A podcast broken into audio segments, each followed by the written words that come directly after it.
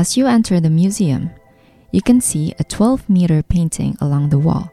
This is Migration of Flora and Fauna by Jumaadi. Jumaadi was born in Sidoarjo, East Java, and moved to Sydney, Australia in 1997 to study at the National Art School.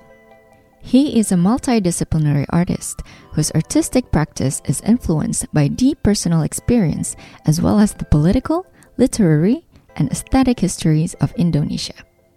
Jumaadi's work is a reflection of his fascination with human migration, experiences of belonging, and nature.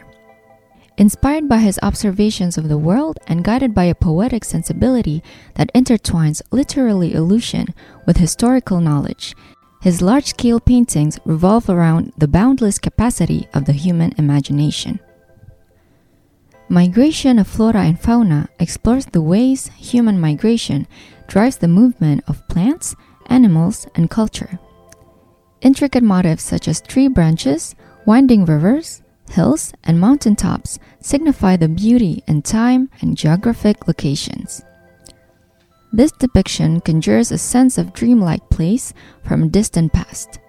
However, for the artist, this work reflects the stories of our time and our shared yearnings for home. In this sense, migration of flora and fauna becomes as much about human relationships and connection to nature as they are about issues of displacement. Issues around displacement and the beauty of resilience is also central in a performance work by Jumaadi and his collective, The Shadow Factory, which you can find inside the gallery.